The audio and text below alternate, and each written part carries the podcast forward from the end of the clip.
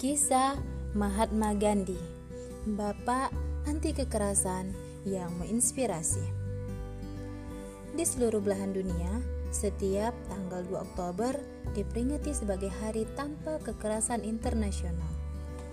Hari Tanpa Kekerasan Internasional atau International Day of Inviolence diresmikan oleh PBB menurut resolusi Majelis Umum A garis miring res garis miring 61 garis miring 271 tanggal 15 Juni 2007 PBB menetapkan tanggal 2 Oktober sebagai Hari Tanpa Kekerasan Internasional karena tanggal tersebut merupakan hari kelahiran Mahatma Gandhi.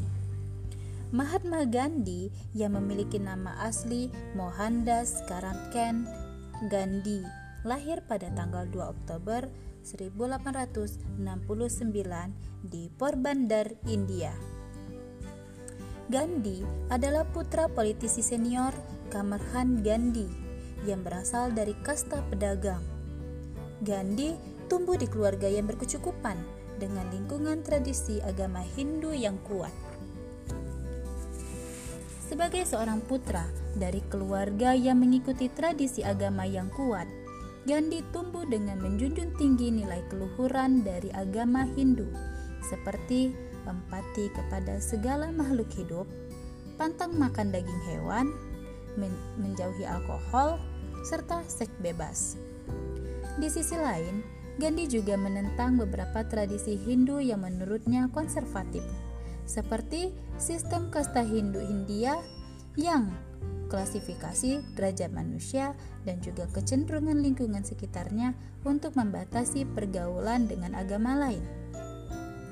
Gandhi muda telah berani untuk menalar konsep moral dalam dirinya sendiri, mendobrak nilai-nilai kolot yang menurutnya tidak mengacu pada dharma, menjunjung tinggi toleransi antar umat beragama, serta bersahabat dengan kawan-kawan dari agama lain seperti Islam dan Sikh.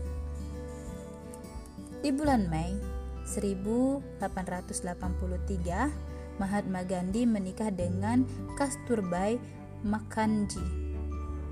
Dalam pernikahan yang dijodohkan oleh orang tuanya, tidak lama setelah pernikahannya, dia melanjutkan sekolah ke Samaldas College di Bhavnagar, Gujarat. Gandhi kemudian meneruskan studinya di University College London, jurusan ilmu hukum. Kemudian, dia pulang ke India dan ingin menjadi ahli hukum. Namun, ia pemalu dan tidak percaya diri untuk berbicara di depan umum.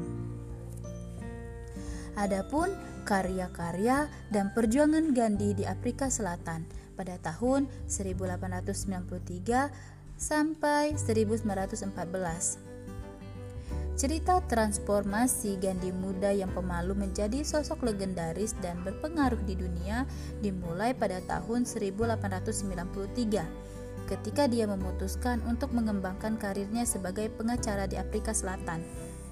Selama di Afrika Selatan, ia mengembangkan gagasan bagaimana melawan bentuk imperialisme dari Eropa serta membebaskan warga kulit berwarna dari bentuk diskriminasi dan kolonialisasi dan dapat membebaskan warga kulit berwarna dari bentuk diskriminasi, membangun negara yang mandiri, dan mengasah keterampilan berargumen dan memahami bagaimana cara kerja imperialisme Barat. Ia juga mulai membangun basis kekuatan massa dengan berkontribusi besar bagi terselenggaranya kongres untuk warga kerukunan India di sebuah kota bernama Natal. Ia menyatukan secara politik dan memupuk rasa persatuan antar sesama warga turunan India.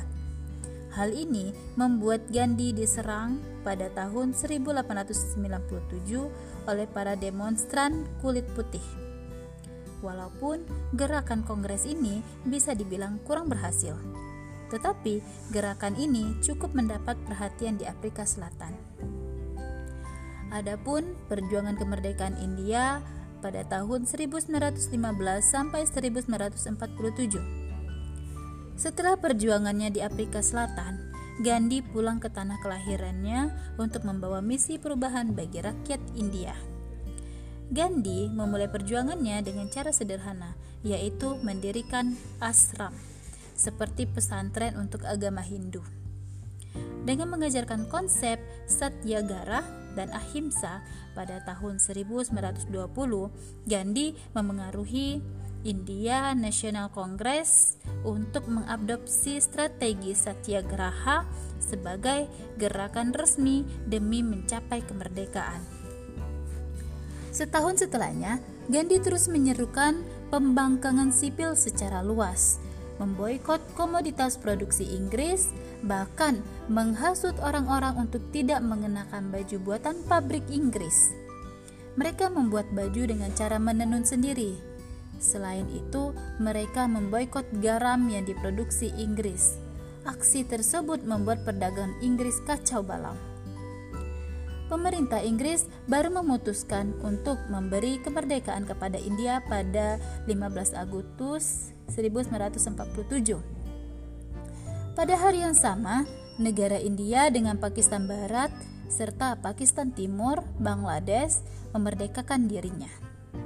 Dalam proses pengungsian antar wilayah tersebut, terjadi bentrokan antar warga Islam dan Hindu.